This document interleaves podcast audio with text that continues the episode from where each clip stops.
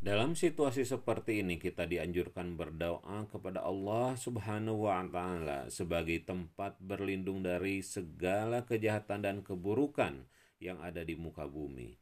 Lafal doa berikut ini pernah diajarkan oleh Rasulullah Shallallahu Alaihi Wasallam untuk berlindung dari wabah dan penyakit mengerikan lainnya.